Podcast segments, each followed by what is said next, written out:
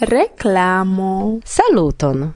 Mi ne scias, ĉu vi scias, ke malfermiĝas la sekva okazo aperi en Panteono de nia kultursubtenantoj pro partopreno en la sepdek unuaj beletraj konkursoj de UEA. Kiel kutime, partopreno en la konkurso estas libera al ĉiuj kaj ne ligita kun la uko aliĝo.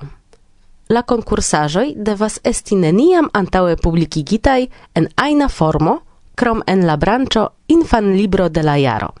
Oni rajtas sendi maksimume tri konkursaĵojn por la sama branĉo aŭ subbranĉo, pri kio detalajn informojn vi trovos post elekto de ligilo, kiun serĉu en priskribo de ĉi elsendo.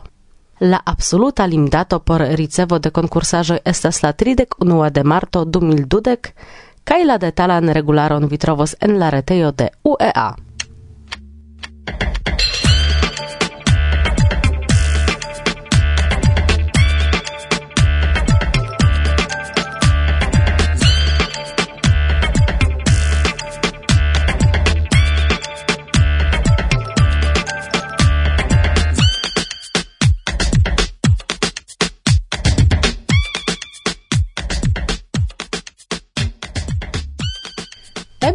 Eble valoras menci, che Varsovia Vento apud la elsendoi eldonis ancau son libron.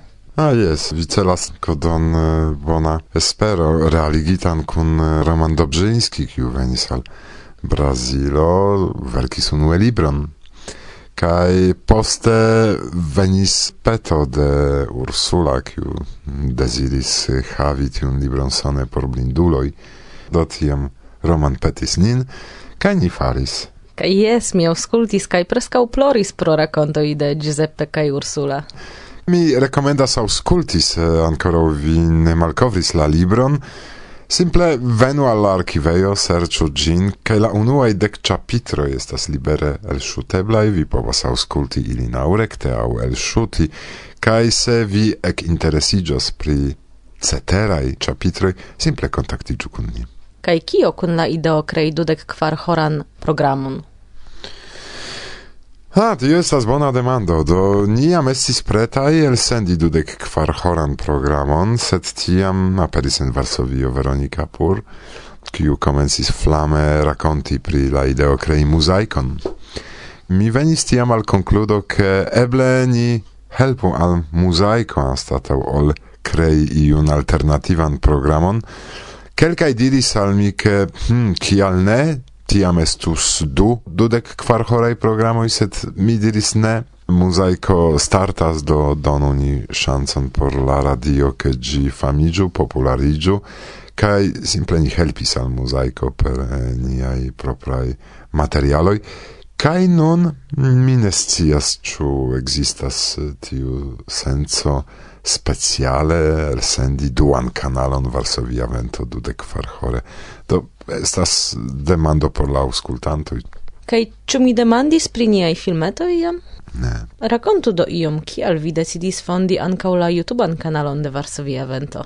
Ĉar mi aĉetis kameraojn unue, due ke mi deziris eh, filmi aranĝojn, kiujn ni organizas por prezenti al homoj kiel ili aspektas, ja ne ciu povas partopreni ciun aranĝon kai multai homoi la mondo, kiu ne vivas en Europo, ne havas tian facilecon kiel ni en Europo elekti un aranjon kai veni partopreni gin, kai ancau ke homoi kiu aŭskultas ni elsendoj ne nur auskultu la muzikon, sed ancau vidu la artistoi sur scenoj dum la koncerto. No, iom pri la ideo kaj la historio jam estis, kaj eble iom pri la planoj? Hmm.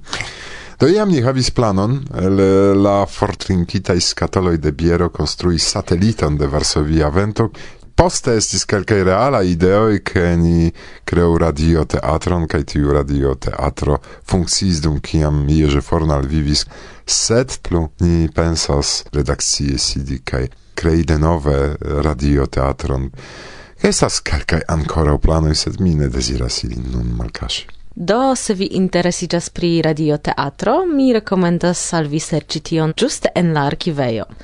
Kaj kio pri la retejo, la teknikaĵojn kiujn ni havas? Eble ne ĉiuj scias, kiu financas tion. bona demando kium vi mi kaj la aliai la reteion citie mi desiras esprimi grandan dankon per Tomek nia nevidebla kai malofte auscultebla redakciano pro zorgo pri la retai aferoi kaj pri tio cio. Kai la computilo in dictafono in camerao in microfono vi acetis nin. Do eble de la alia flanko. Mi scias kion mi ricevas pro la agado, sed kion vi ricevas krom satisfakcio? Ah, satisfakcio estas dangera. Nu esento. Ĉar kiam homo sentas satisfakcion, eh, do same kiel homo sata ne deziras serĉi manĝon, ĉu ne? Do se vi pri ĉio estas kontenta, kion vi faras, tiam vi ne sentas tiun impulson krei iom pli pli gravas al mi, ke mi havas pro la elsendoj multe da amikoj en la tuta mondo. Tio estas grava ankaŭ por viĉu. Jes, prave. Kaj due, ke plu ekzistas tiu eblo aktivigi lernantajn Esperanton gejunuloj, kiuj venas al la kursoj. Kaj trie, ke mi ne enuiĝas. Sed ĉu laŭ vi tiu tempo, kiun vi donacis al la laboro pri la elsendoj, ne estis perdita? Perdita estas la perdita generacio. Fakte ne tiel perdita, ĉar dankal ilia muziko la kulturo esperantista multe evoluis, ne nur muziko, ankaŭ temas pri tekstoj do Tomio, Anna, Karen, Kalin Malin, kaj Henio, kaj la aliaj, kiuj aliĝis al la perdita generacio, ne estas perditaj. Ili donis multon. Tamen eh, ne, ne, Ni ekde komenco subtenis forte la kulturon esperantista kaj faras tion ĝis nun.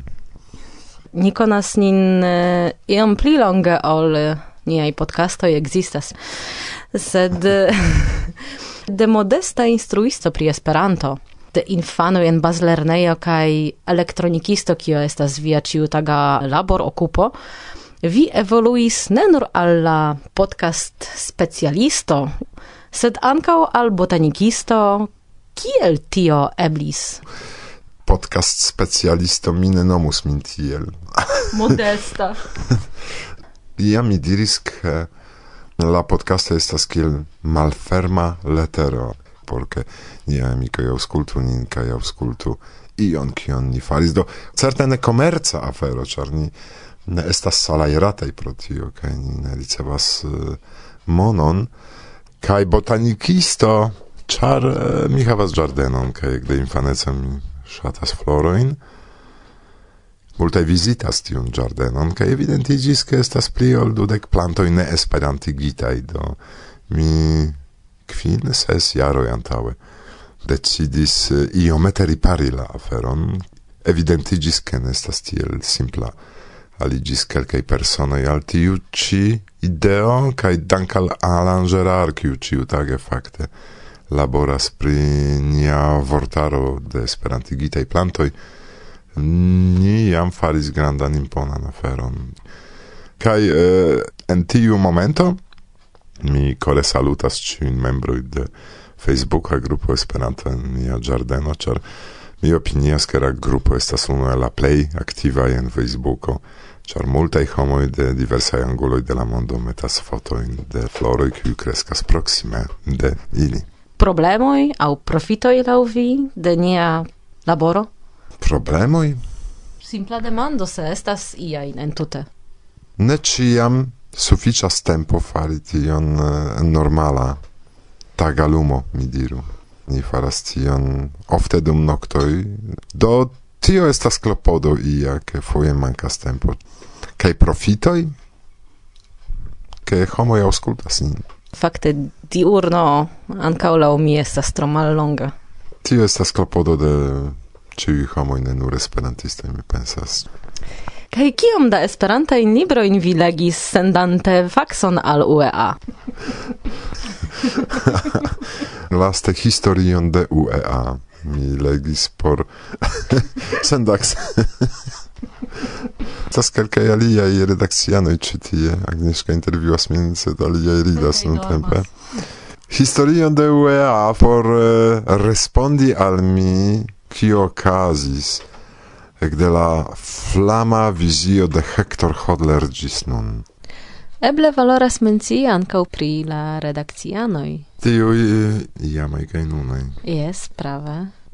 Se vi estas en la ĉefa paĝo de nia podcasto, de nia elsendejo, klaku ligilon la redakcio por ekvidi kiam multe da personoj iamaniere iam kontribuis la programojn kaj ili restas ĝis nur kvankam kun kelkaj jam perdiĝis kontakto.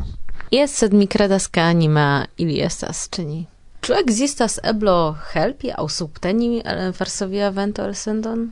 Do sonia tante legos la priskribon de la elsendo ĉiam trovos tie adreson al nia PayPal konto subtenu nin kaj unu foje okazis ke unu aŭskultanto nin subtenis kaj ni aĉetis tiam novan diktafonon.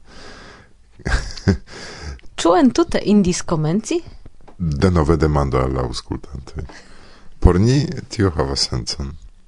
Ču ni daŭrigu do? Kaj ĉu aŭskultantoj deziras, ke ni daŭrigu? Jes, kompreneble, Varsovia vento blovus ĝis kiam sufiĉos al ni fortoj simple. Do la lasta demando, Irek, kia estas grandeco de via ŝuo? Aha, tradicia demando de Varsovia vento, iama Varsovia vento kvardek ses. Fakte kvardek kvin kaj duono, sed ĉiam mi aĉetas ŝuojn kvardek ses. Por havi pli da spaco, ĉu? por eh, ke uh, miaj fingroj havu spacon danci. Kaj kiel ĉe niaj elsendoj kaj intervjuoj vi havas nuran kaj specialan ŝancon por saluti viajn amikojn aŭ malamikojn la libera momento por vi? Eblas saluti ciuin aparte, mi povas uh, danki al vi pro tio che Esperanto, dank al vi, en mia caso havas gravan sencon, mm, do simple danki al vi, ke vi estas. Kiam ni organizis ioko, n, Zakopane. Venis redaktorino de Pola Televido kaj demandis min kial mi kiun estas pagata i oficisto perdas tiom multe da tempo por organizi tiom grandan eventon? Kaj tiam mi respondis ke ekde infaneco mi ŝatis organizi en mia hejmo eventojn kun gekolegoj kaj amikoj kaj ĝis nun restis tiu emo sed tiam mi invitadis al mia hejmo dec gamicoin, non tempe kvarcent kai estas same brava. Do, dankon, ke vi estas carei. Tia maniere mi povas saluti ciuin. Dankon, ke vi estas. Dankon, ke vi estas. Sen vi probable ne estus mi. Ne, ne, ne, ne. Tion uh, diru al via patrino kaj patro. Sed vi estis la unua en la mondo kiu nomis min Parova. do kolbaseto se iu ne komprenas la polan lingvon. Jes, estis uh, pli ol dek kvar jaroj antaŭe. Jes, eĉ iom multe pli ol tios. Kaj mi memoros probable tion ĝis fino en mia vivo. La plej amuza kaj grava afero estas, ke tio rezultis la nunan aferon, ke ni sidas antaŭ mikrofono post dek kvar jarojn kaj daŭre ni ĝuas paroli al vi kaj plezurigi vian tempon karaj aŭskultantoj. Do en la provizora studio de Varsovia Vento antaŭ mikrofono ĵus estis Pietrek kaj Agnieszka. Koran dankon. Bla, bla.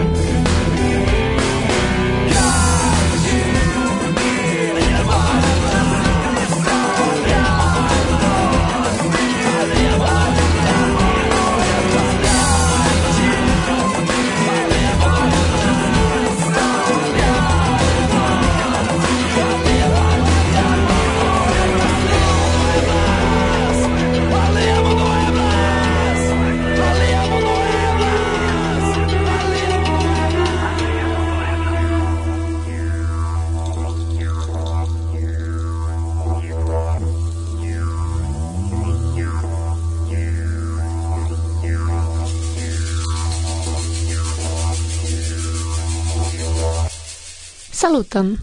Jen, kiel ciam, mi alportas novajoin de Esperanta muzika mondo. Cifoje ili estas vere novaj novajoj, ĉar la artisto, kiun mi hodiaŭ prezentos, havas unikan stilon. Ŝajnas al mi, ke ĝis nun malofte renkonteblan en Esperantujo. Temas pri Rafael Milhomem, brazila komponisto, muzikarrangisto kaj multinstrumentalisto. Scivolema mi rigardis al la pagion de Vinil Cosmo por exci ion pri li, char mine malcasas, che lian nomon audis mi la unuan foion, case de la musica filmeto lancita ce Facebooko. Malgrau che la texton verkis Marjorie Bouton, la roca musico generale ne captas min. Tamen evidentigis, che la roca comenzo ne gis fino estas vizit carto de la albumo cun la titolo Kien vi iras. Cer ne gis fino gi estas roca. Iam la unua tra rigardo de titoloi montris che pli temas pri voyaggio circa la mondo ol pri tipa roca albumo. Pro tio, la stilo de tiu codo estas malfacile difinebla. Kiel scribis Flo, se vi bezonas difinon, gi estus mond muziko. Gi estas koncepta kaj instrumenta verko, kiu donas ideon ke oni povas vojaĝi tra la mondo sen movigi de via loko per la potenzo de la menso, plibonigita per muzico kaj legado. Ec interesigita, mi comencis ausculti pecon post peco, kaj jes, mi travivis aventuran vojaĝon ĉirkaŭ la mondo. Mi ne ŝatas aŭskulti muzikon senpense, se estas la titoloj ili estas al io dediĉitaj, ĉifoje al diversaj regionoj. Do, lasu la muzikon gvidi vin. Kun salutoj do al Rafaelo, kai Flo, mi desiras esprimi dankon al vi ambau, pro via bela laboro. Dankon, Kasia Ho.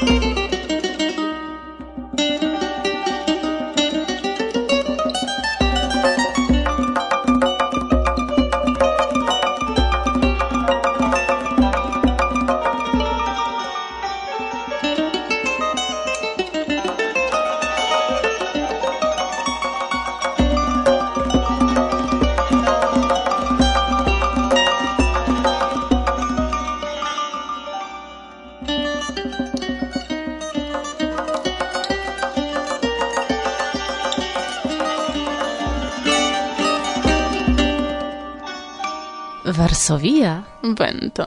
Bla bla bla.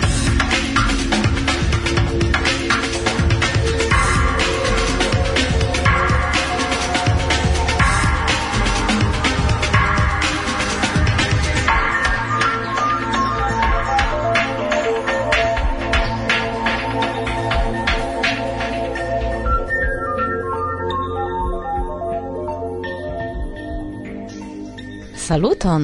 Mi estas Agnieszka, kaj nun mi invitas vin al angulo de Istvan Ertl. Istvan Ertl, post kvar landlimoj. Plej certe indas vivi en inferoj, kie diebloj lacaj suferigas, la turmentatoj pri elvoj intrigas kaj tentas la diablojn per oferoj. Tie du noblaj celoj elekteblas – la turmentiloin, kie li feblas, ripari, perfectigi, au iel detrui cion, strebi al ciel. Sed la cielo mem oscede puras, sterilas, cae enuas, cae malbruas, enordas, justas, cae tion perfectas, che decimem correctas gi fus rimon.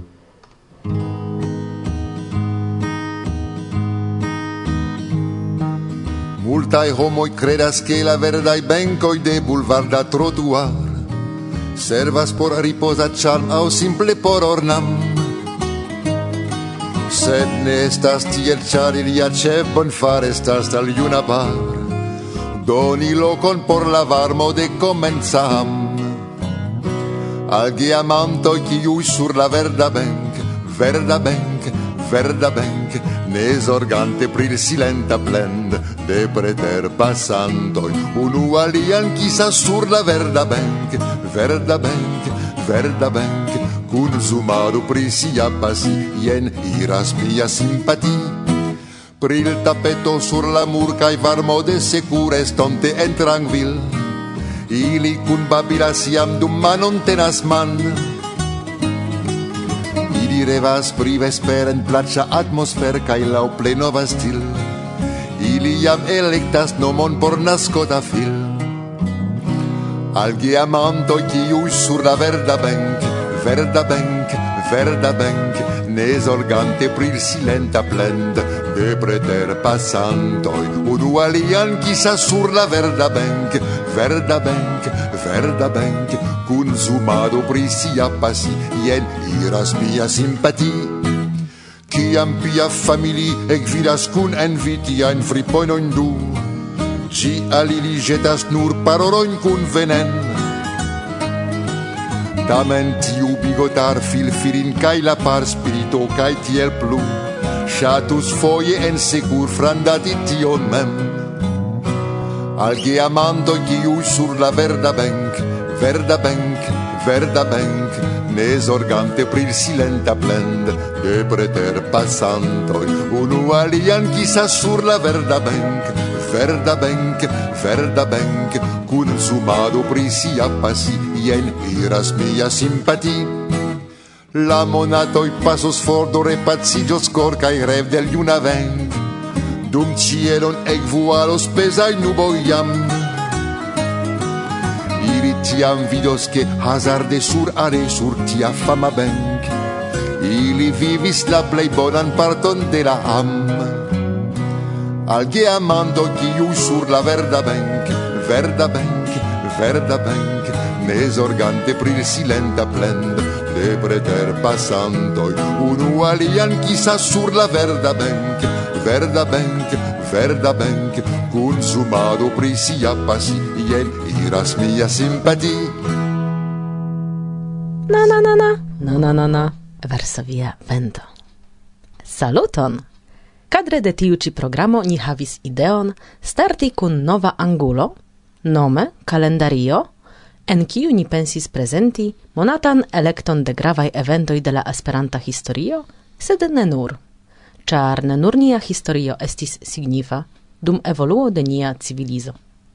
Ni komencis do trarigardi la reton, serĉante interesajn informojn pri tio, kio okazis en marto, sed kiel en la vivo oftas, antaŭ ni aperis muro. Evidentigis, ke la ideo ne prezentiĝas tiel simpla – La unua baro aperis ce la plei facila afero, la datoj de nascigio cae morto de activuloi ligitai kun la esperantista movado. Ekzemplon? Bonvolu. Multaj el vi sendubescias che ke la nuna Pollando iam estis dispartita inter tri imperioj. Unu el ili, signifa en nia caso, do la imperio rusa, havis alian kalendaro sistemon ol la partoj aliaj. Temas compreneble pri la julia kaj romia kalendaroj. Kaj estu saĝa, se ni prenos ekzemple la bopatron de Ludoviko, Aleksandron Zilbernik, kiun daton de lia naskiĝo prezenti, laŭ kiu kalendaro. Amuze, ke en diversaj fontoj oni ne ĝis fino elektis unu kalendaran sistemon.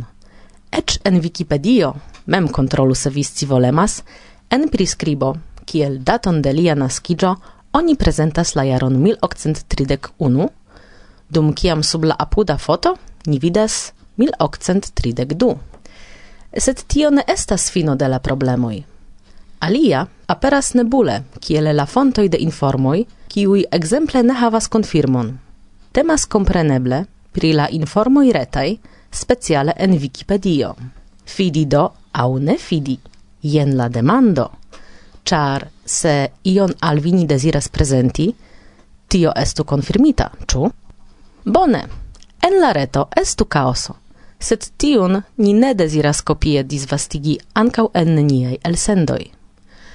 Kai imagu, ke daure temas nur pri unu persono, pri Alexandro, kai kio kun aliai eventoi, nascigioi, mortoi, atingoi, kotopo? Paralele do char mi presentis al vi nur du problemoi el multai, ni comencis pensi pri creo de la propra calendario. Kai denove aperis problemo. Kie? Ču en la podcasta pagio? Au recte en Wikipedio? Pardonu do, sed mi ne char ĉar prefere temas pri mi, kiu desiris al vi temon presenti, ke nenion mi prezentos ĉifoje, char ne vere mi scias de kio comenci. Eble vi havas ian ideon. Do, porce estu almenau unu io bona, jen! Mi desiras vin core, cae ancorau foie corege saluti. Char, kiel ne? Ja, vi estas niei fidelai gramikoj, ču? Agnieszka.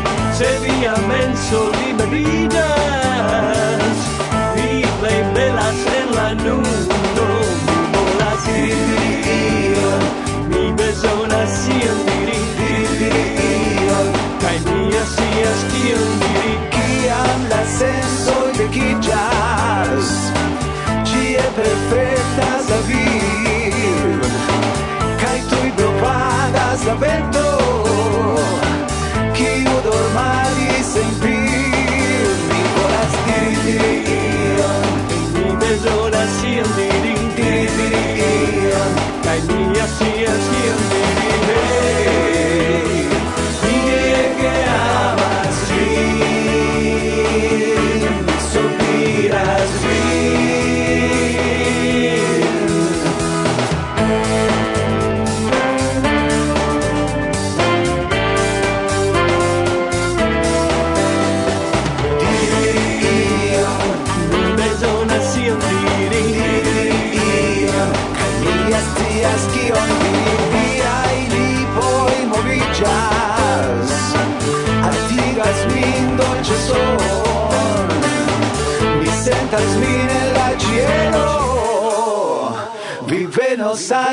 a dove volas io mi bezonas io diri io kai mi scias kiel